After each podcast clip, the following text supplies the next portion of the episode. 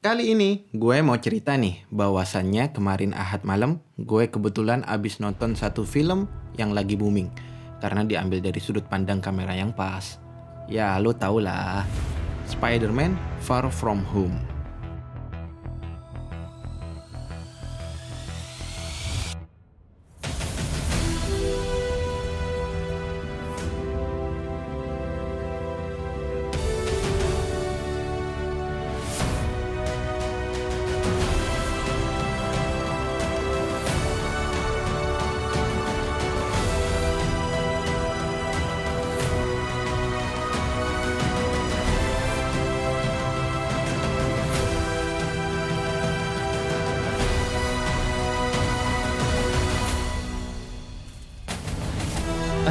Assalamualaikum warahmatullahi wabarakatuh Ketemu lagi sama gua, si Frun Di channel podcast gua Cahaya Rasa Gimana kabarnya teman-teman sekalian? Ya meskipun bagi sebagian beberapa teman yang ngerti agama dalam tanda kutip mereka nyantri atau udah lama ngaji, ikut kajian ke mana-mana. Nonton bioskop ini adalah perkara yang diperdebatkan ulama kebolehannya, bahkan haram dalam beberapa sorotan.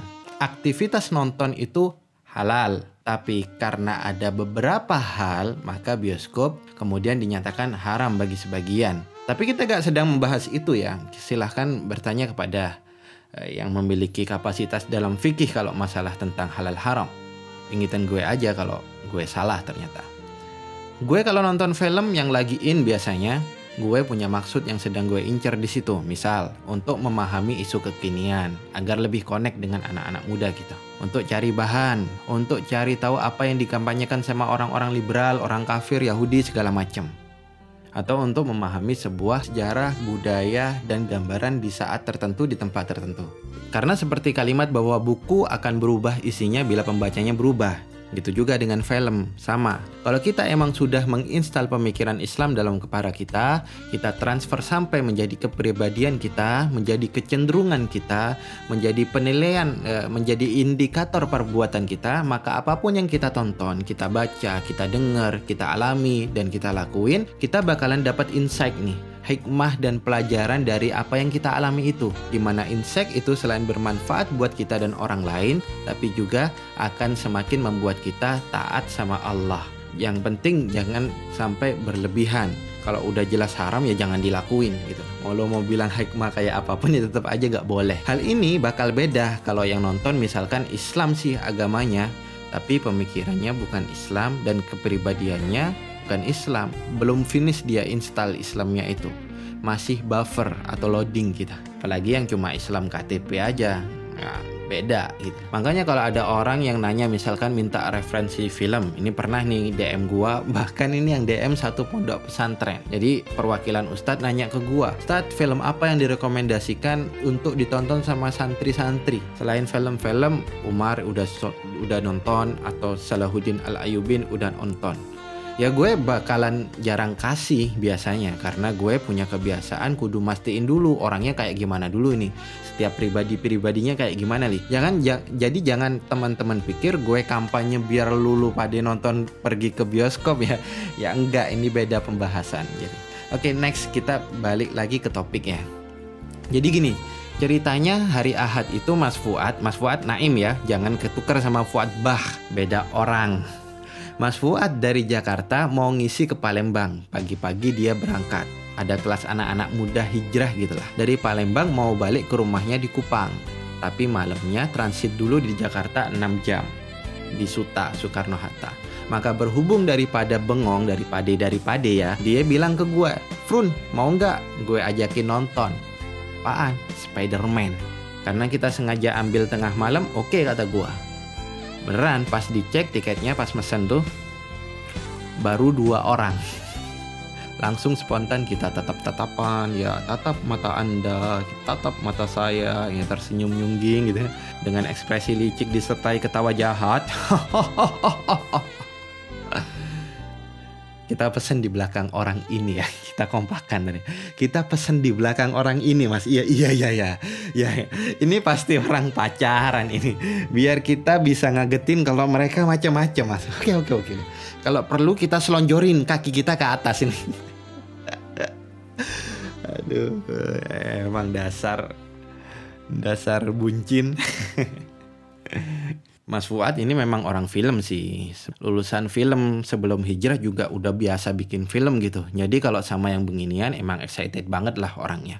Lagian ini momen pikir gua. Memang sih kita di Pintaro tinggal serumah, tapi beliaunya jarang ada di rumah. Istrinya jauh di Kupang, di rumah Kupang.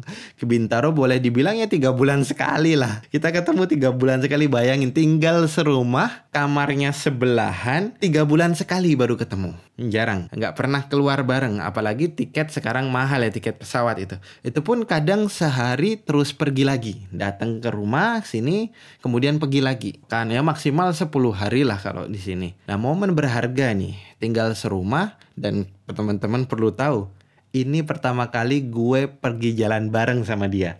Teman serumah gue. Baru pertama kali pergi keluar bareng teman serumah gue. Jalan dalam hal ini. Jadi inti ceritanya dari Spider-Man yang gue tonton pas itu ya walaupun tengah-tengah gue sempet tidur gitu. ya dasar gitu ya. Jadi inti ceritanya si Peter Parker ini ingin ngetrip awalnya. Ingin ngetrip ke Eropa bareng teman-teman SMA-nya. Rekreasi SMA lah gitu. Tiba-tiba pas lagi asik-asiknya di Venezia, pas Peter Parker lagi berada di pinggir sungai, sedangkan temennya yang Ned sama Betty itu sedang di tengah sungai itu naik naik gondola atau perahu-perawan gitu ya. Nah, di wahana sungai Itali itu, kemudian secara tiba-tiba dan mengejutkan, muncul monster elementals. Monster yang bentuknya dari air, punya wajah, punya dua kaki, dua tangan. Sebelumnya di Meksiko dan di Maroko juga ada, muncul. Cuma unsurnya dari angin dan dari bumi gitu kan, bukan air tiba-tiba Misterio muncul ngalahin. Wow hero gitu kan ya ekspektasi kita. Di Italia juga begitu. Tiba-tiba Peter Parker diserang eh tiba-tiba eh tiba-tiba Quentin Beck alias Misterio itu muncul eh tiba-tiba eh tiba-tiba mereka berjibaku ngalahin air. Ngalahin air. Gue ulangi lagi ya. Ngalahin air. Dipukul-pukul tuh air. Ingat adegan ini jangan ditiru di kamar ya jangan ditiru di rumah, jangan dilakuin di kamar mandi. Ingat, ingat betul. Ini perlu bimbingan orang tua. Para orang tua tolong awasi anak-anaknya. Jangan-jangan anak itu ntar masuk dalam kamar mandi, tiba-tiba lihat bak mandi, terus iya, iya, plak, plak, plak, dipukul-pukul dalam air itu. Ingat, lu gak bakal bisa jadi superhero dengan cara itu. Cius, cius, cius gua. Cius banget malah ini. Kemudian saat ngetripnya itu beralih ke Praha di Ceko, muncul lagi monster elementals terbesarnya dari api. Di antara empat unsur itu yang paling kuat ternyata api di film ini. Mungkin namanya eh, Hellfire kalau menurut mitologi Yunani itu namanya. Tapi ada yang ganjal di sini. MJ teman Peter Parker itu nemuin satu benda aneh yang terpental dari pertarungan antara si monster dengan Spider-Man dan juga Mysterio ini. Apa yang terpental itu ternyata sebuah proyektor bro. Proyektor super canggih teknologi bernama BART. Jadi dia bisa merefleksikan satu gambar yang gambar itu tiga dimensi kayak beneran bener. Teknologi super canggih ini. Dari situlah kemudian MJ kasih tahu Peter bahwasanya dia nemu benda kayak begitu tuh. Terungkaplah misteri bahwa ternyata monster-monster itu tadi hanyalah proyek buatan dari Misterio. Jadi Misterio ini nih bikin monster sendiri, kemudian dikalahin sendiri supaya dapat pujian dan pengakuan kalau ini dia itu adalah superhero yang paling hebat di muka bumi ini. Di samping dia juga punya agenda untuk ngerebut teknologi peninggalan dari Tony Stark atau Iron Man. Nah caranya gimana? Pakai proyektor. Caranya buat jadi superhero yang paling hebat di muka bumi, pakai proyektor. Caranya mendapatkan teknologi yang paling canggih di muka bumi, pakai proyektor. Itulah tips ala Misterio. Entahlah gimana caranya. Mungkin ini teknologi yang paling canggih. Teknologi canggih di masa depan. Mungkin kita bakal punya. I don't know. Di mana besok kalau kita butuh rumah, kita gak perlu beli rumah. Cukup nyalain proyektor. Butuh mobil? Cukup nyalain proyektor. Bosan? Pengen ganti tipe mobil, cukup nyalain proyektor. Pengen HP baru, cukup nyalain proyektor. Pengen presiden baru? Cukup nyalain proyektor.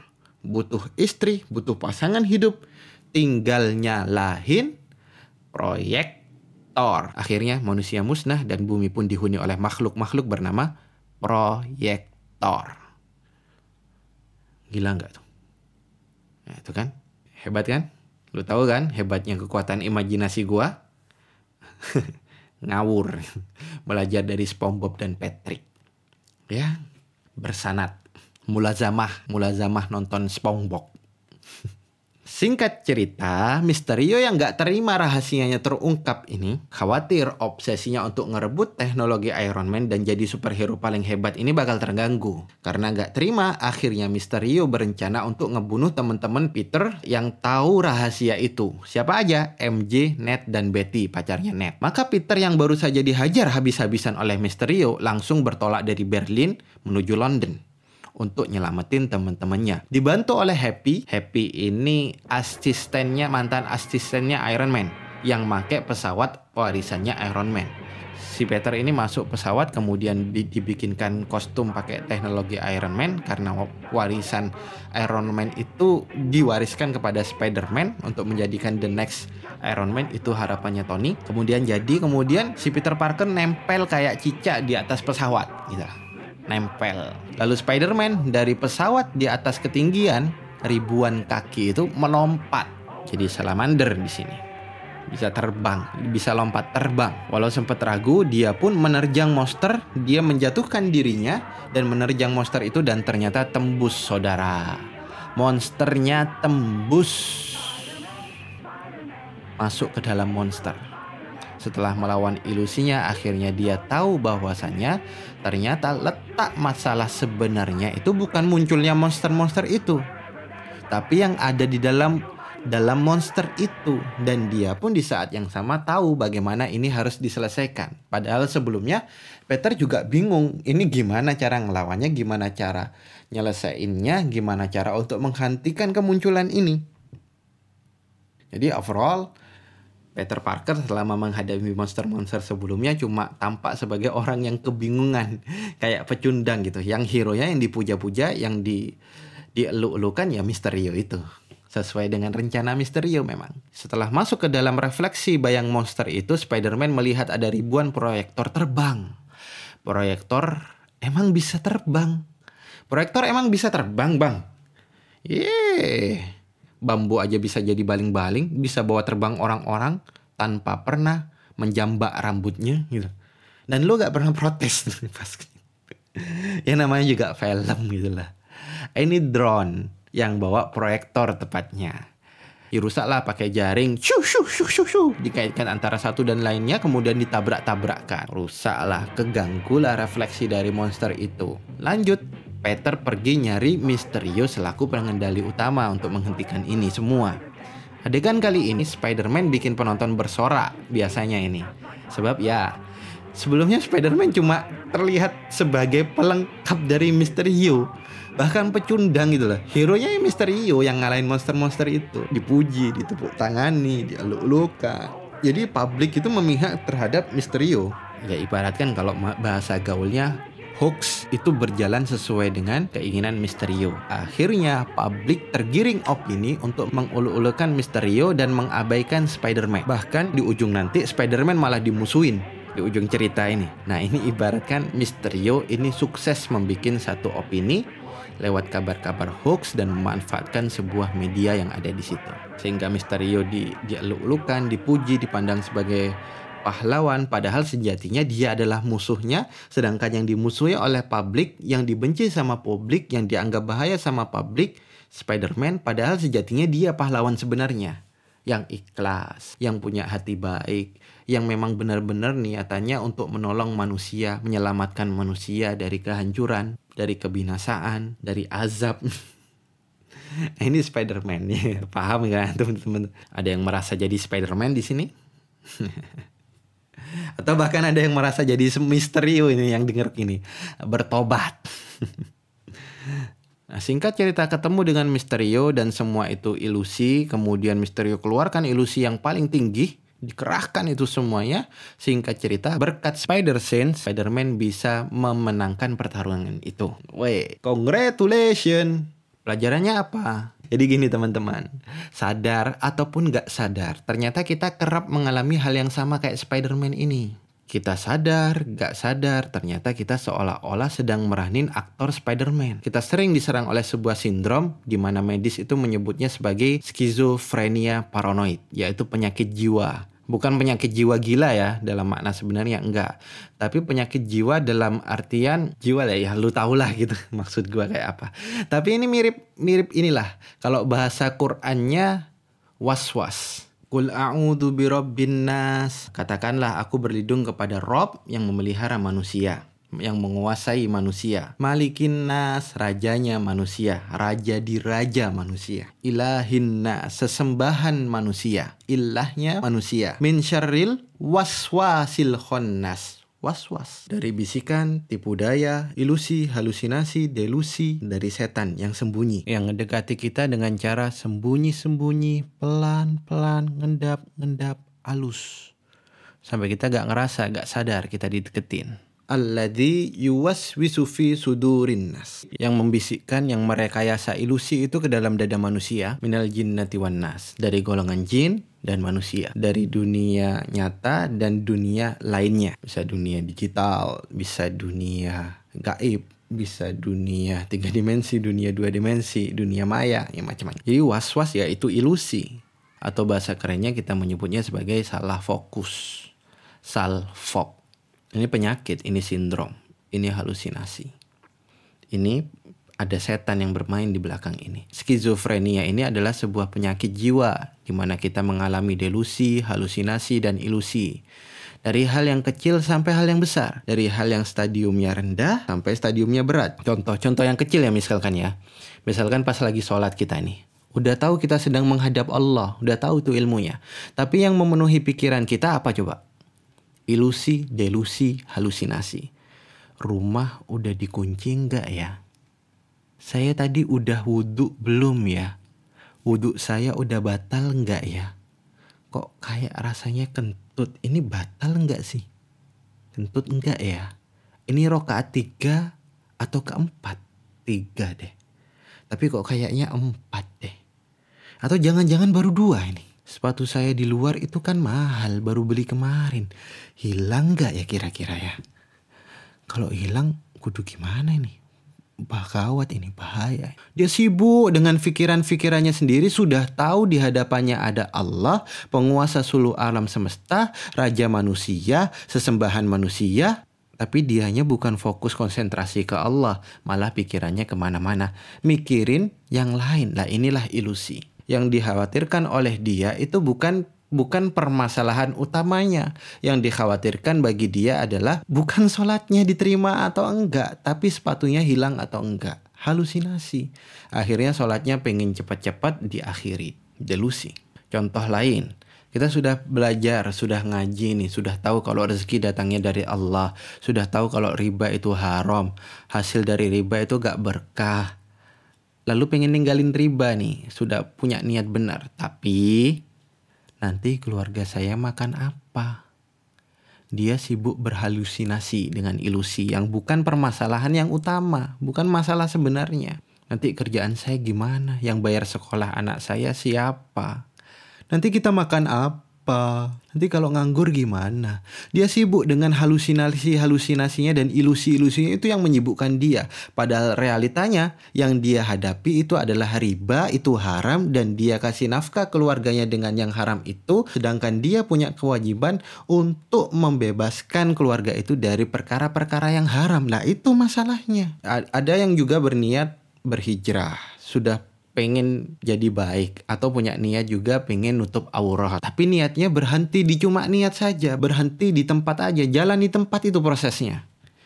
Dia terkena ilusi kalau kalau dia berubah khawatir kalau teman-temannya bakal ngejauhin dia atau enggak ya. Dia malu kalau dibilang so alim. Dia malu kalau dia dibilang udah beda kayak biasanya. Padahal realita masalahnya bukan itu bukan omongan-omongan itu yang belum tentu terjadi, belum pasti terjadi, dan belum begitu juga kenyataannya yang akan terjadi. Dia belum tahu masa depan itu.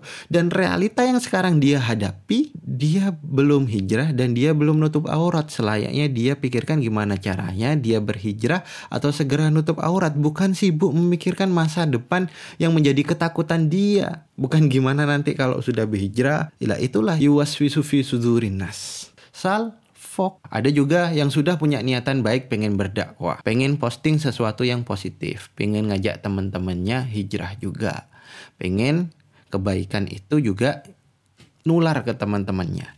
Tapi dia gak lanjutin keinginannya. Lah kenapa? Takut riak katanya. Dia kepikiran terus nanti kalau riak gimana ya. Tapi pengen nyampein. Akhirnya dia berhenti di situ saja.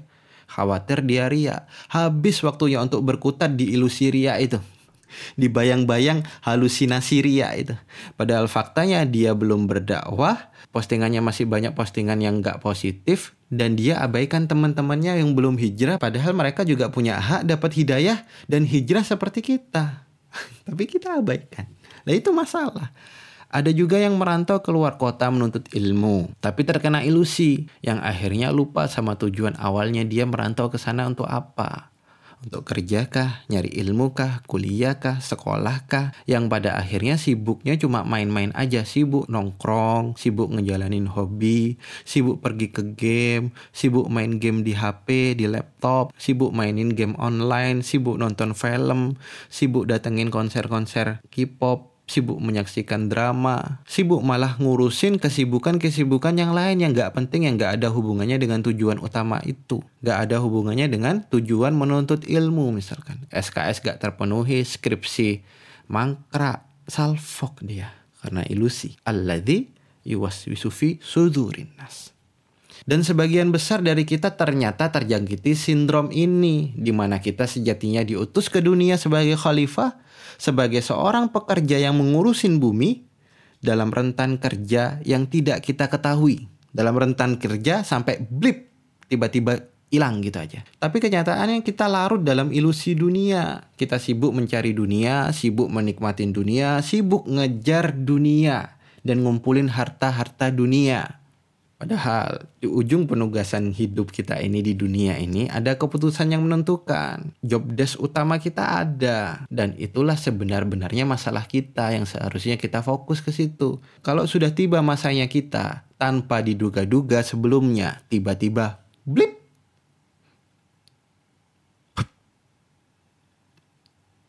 kita lenyap dari dunia ini, kita meninggalkan dunia ini, sudah kita gak bisa apa-apa lagi. Kita cuma ada dua nasib di sini, selamat atau enggak.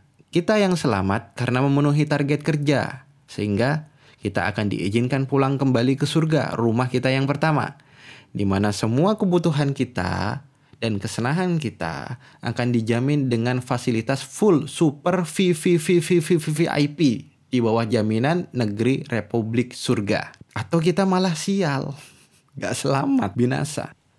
Kenapa? Karena kita gak memenuhi target kerja kita selama kita di dunia. Selama kita diuji coba di dunia. Apa yang kita dapat setelah itu? Kita bakal di PHK ke neraka. Dipecat kita ke neraka. Dan dipecat kemudian kita diusir dan kita dilempar ke neraka. Wa mal hayatud dunya illa mata'ul gurur dan sesungguhnya dunia ini hanyalah sebuah ilusi permainan yang kerap melalaikan kita yang kerap bikin kita salah fokus. Maka teman-teman sekalian pahami betul-betul tugas kita di dunia ini apa sih? Kalau gak paham tugas utama kita itu apa, kita bakalan bernasib sama kayak Peter Parker di film Spider-Man Far From Home itu tadi. Mau action kayak apa pun, mau jungkir balik kek, mau kebanting kek, mau kebakar kek, kedelep sama air kek, kelilipan kek, bajunya rusak kek, sudahlah kita bakal terlihat sebagai pecundang dan ternyata semua itu gak menghasilkan apa-apa di ujung kita. Kecuali keuntungan buat musuh kita. Dalam hal ini musuh kita siapa? Siapa lagi kalau bukan setan? Innahu lakum aduwum mubin. Sesungguhnya dia, setan itu adalah musuh yang nyata bagi kalian. oh ya teman-teman, tahu nggak kalau kita itu ternyata spider sense juga loh. Allah itu sudah ngasih ke kita loh. Kolbu kalau kata bahasa bahasanya Rasul. Kata Rasulullah, iftastik kolbak, mintalah fatwa pada hatimu. Kalau bahasa Spider-Man-nya adalah mintalah petunjuk pada spider sensemu. Kalimat Rasul ini ternyata sama seperti persis seperti nasihat yang keluar dari May kepada Peter, bibinya bibinya Spider-Man ini kepada si Spider-Man ini yang notabene keponaannya. Jadi Spider-Man itu keponaan dari bibinya Spider-Man. Jadi pas mau pergi ngetrip ke Eropa itu kan Bibi May memberikan wanti-wanti. Nanti kalau dalam bahaya kamu pakai itu Spider Sense. Pertama ngelempar ngelempar pisang ternyata pisangnya nggak bisa dihindari gitu ya naplok ke muka kemudian Bibi Mai itu mewanti-wanti nanti kalau ada bahaya pakai itu spider sense-mu atau kalau kalau versi syariahnya tiba muncul nih film ini muncul versi syariahnya Bibi Mai bakal bilang iftastik kolbak dan terbukti dengan menggunakan spider sense itu ternyata Peter di ujung-ujung film ini dia diselamatkan pakai spider sense itu dan mengalahkan musuhnya itu gara-gara spider sense itu. Selamatlah ia dan terhindar dari kebinasaan. Dia dapat petunjuk. Setelah kemudian dikata Nabi, albirru matma'annat ilaihin nafsu wal ismu ma haka fin nafsi wa taraddada fi sodri. Karena kata Nabi, karena hal yang positif, kebaikan, kebenaran itu adalah sesuatu yang membuat tenang jiwa, hati dan nuranimu Sedangkan dosa, keburukan itu adalah apa-apa yang membuat bimbang hatimu dan goncang dadamu. Was-was itu kan. Walaupun, kata Nabi, walaupun engkau sudah meminta fatwa kepada orang lain dan orang lain memberikan kepadamu, maka kembalikan kepada hati. Apakah ini benar-benar antum nyaman terhadap itu? Apakah ini benar kalau salah biasanya kita diberikan keraguan sama Allah. Jadi tahap paling dasar diaktifkannya spider sense ini adalah muncul keraguan dalam kehidupan kita. Kalau hidup kita salah, kita ini bakal ragu. Muncul tiga pertanyaan mendasar dalam kehidupan kita. Uktatul kubro kalau bahasa pesantrennya. Tiga pertanyaan hidup. Dan ini semua orang mempertanyakan ini. Kalau kita nyaksikan film-film Hollywood, banyak film yang mengangkat tentang pertanyaan ini apa tiga pertanyaan itu? Dari mana kita berasal? Kemudian untuk apa kita berada di dunia ini? Dan yang ketiga, kita akan ke mana setelah di dunia ini? Setelah mati, setelah blip, kita akan ke mana? Kita akan ke mana? Dan spider sense ini juga bisa menjadi insting kita untuk menunjukkan, memberi clue untuk mencari mana yang benar, mana yang salah, mana yang patut diikutin, mana yang enggak gitu Kalau kita sudah memang aktif dan matang, Insya Allah semakin matang semakin tepat naluri-naluri kita terhadap benar dan salah. Nah, so ketika kita telah mencari tujuan asli di dunia kita ini apa, yang nggak ilusi, yang nggak halusinasi ini, yang nggak dilusi ini, ternyata kita menemukan satu. Bisa dibilang dua sih, tapi saling berkesinambungan menjadi satu kesatuan gitu. Yang pertama ialah beribadah kepada Allah. Wa ma khalaqtul jinna illa liya'budun. Ad-Dariyat surat nomor 51 ayat ke-56 yang artinya Tidaklah aku ciptakan jin dan manusia kecuali untuk beribadah kepadaku. Dan yang kedua kata Allah dalam Al-Quran, surat Al-Baqarah, surat nomor 2 ayat ke-30. Ini ja'ilun fil ardi khalifah. Sesungguhnya aku menjadikan manusia ini menciptakan manusia ini untuk kujadikan sebagai khalifah di muka bumi ini, sebagai penanggung jawab, pengurus muka bumi, sebagai wakilnya Allah di bumi, dan sebagai pengurus muka bumi dengan panduan wahyu Allah tentunya bukan asal-asalan gitu ya.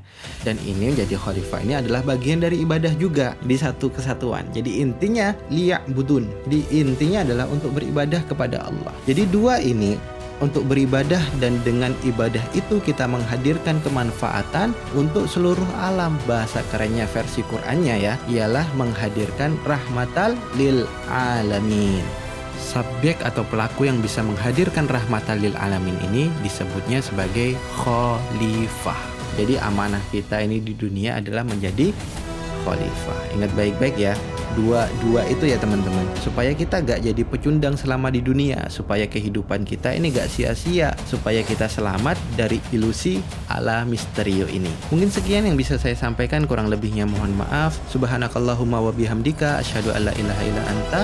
Wastaghfiruka wa atubu oh ya jangan lupa yang dengerin pakai Spotify tekan tombol mengikuti sebelah kanan atas karena dengan begitu berarti teman-teman sudah sangat membantu sekali dalam penyebar luasan pesan positif ini.